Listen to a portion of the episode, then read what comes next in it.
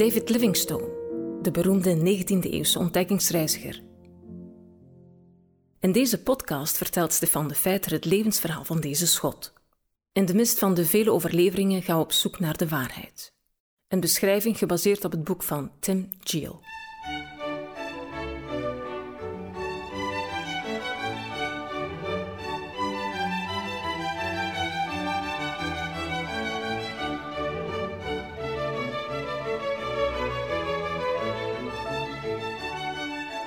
In Mabotsa, de plek waar Livingstone intussen woont en werkt, worden de taken tussen mannen en vrouwen opmerkelijk verdeeld.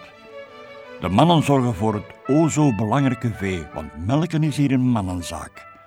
Verder looien ze het leer, naaien kledij en voeren indien nodig oorlog. De vrouwen zorgen voor de akkers, halen water en brandstof, koken, zorgen voor de kinderen en bouwen de huizen. In Bechuanaland, het huidige Botswana, zijn stamhoofden herfelijke heersers waarbij de opvolging overgaat op de eerste zoon van de belangrijkste echtgenote. Het stamhoofd heeft zowel religieuze als wereldlijke taken. Hij is vaak de regenmaker van de stam, een zeer gerespecteerde functie in een land met zeer weinig regen. Verrassend is wel dat ondanks voortdurende mislukkingen de mensen niet gaan twijfelen aan de kracht van hun stamhoofd.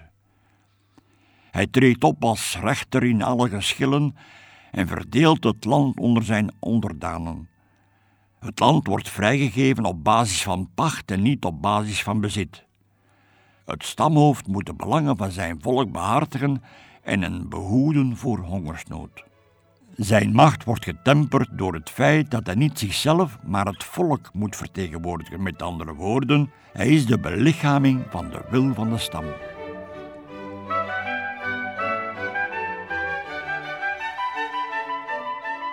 Alle moeilijkheden die de missionarissen in hun werk hadden, konden teruggebracht worden tot één kern, namelijk de enorme verschillen tussen de sociale, morele en economische vereisten van het 19e-eeuwse industriële Groot-Brittannië en die van een kleine Afrikaanse stammengemeenschap.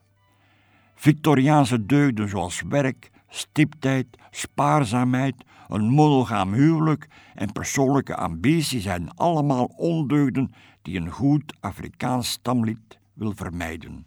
In een stammengemeenschap werken mannen en vrouwen zeker ook, maar zij doen dat niet om rijk te worden of om een overschot aan voedsel op te bouwen.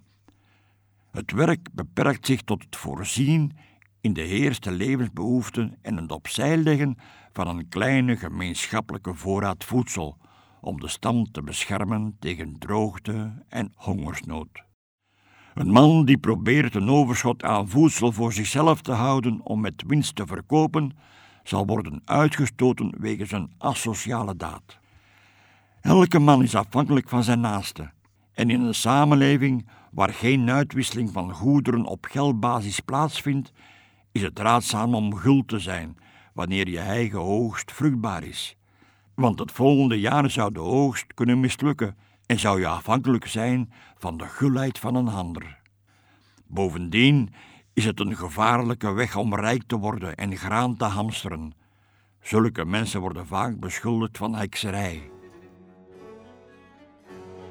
Als de missionarissen de Afrikanen ervan beschuldigen dat zij lui zijn en zichzelf niet helpen om de goede dingen van het leven te verwerven door hard te werken, heerst er bij hen een compleet ongeloof.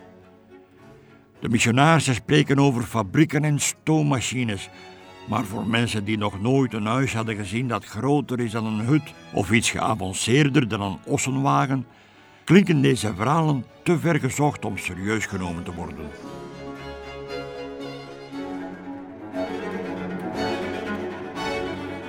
Polygamie is een erger struikelblok dan de arbeid. De zendeling kan tenminste aanspraak maken op enige beloning voor zijn werk en spaarzaamheid, ook al wordt die absurd geacht. Wat polygamie betreft is de Afrikaner ervan overtuigd dat de blanke echt gek is. Het is zo klaar als een klontje dat genoegen nemen met slechts één vrouw een sociale en economische ramp betekent. Terwijl economische concurrentie onbestaande is binnen een stammengemeenschap, is concurrentie tussen verschillende hoofdmannen om hun invloed binnen de stam te vergroten volkomen legitiem.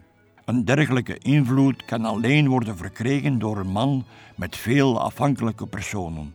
En de beste manier om afhankelijke personen te verkrijgen is hen te verwekken. Een vrouw kan slechts een beperkt aantal kinderen krijgen. De implicatie is duidelijk. Een man die invloed wil hebben, moet veel vrouwen hebben. Deze vrouwen zullen ook in staat zijn om meer voedsel te verbouwen dan nodig is. En dit zal het hoofd van de familie in staat stellen om feesten te geven om prestige te verwerven.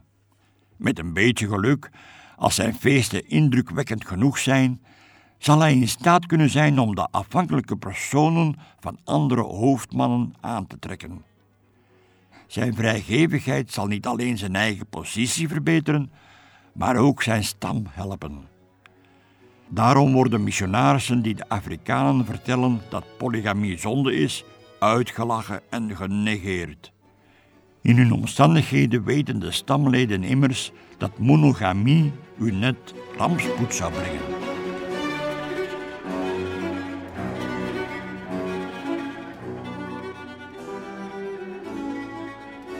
Het is duidelijk dat met zulke verschillende waarden de zendelingen niet in staat zijn om het christelijke idee van zonde over te brengen. Evenmin is het onmogelijk om een concept als individuele verlossing doeltreffend uit te leggen, aangezien de mensen hier denken over welzijn in termen van hun gemeenschap.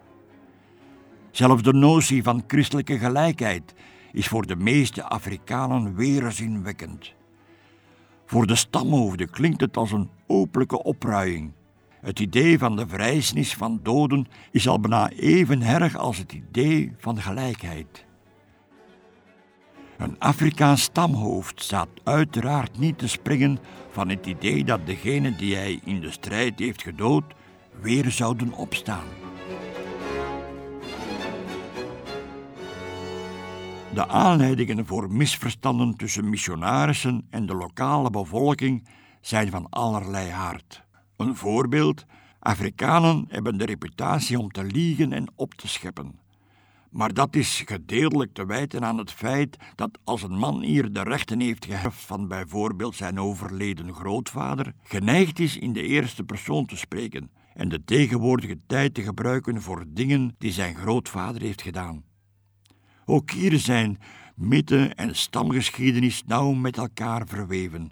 En in een samenleving zonder geschreven documenten zijn discrepanties in de datering van gebeurtenissen onvermijdelijk.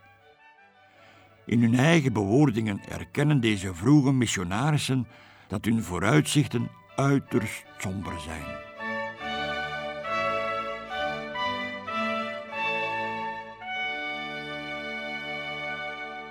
Dit was een podcast van TWR.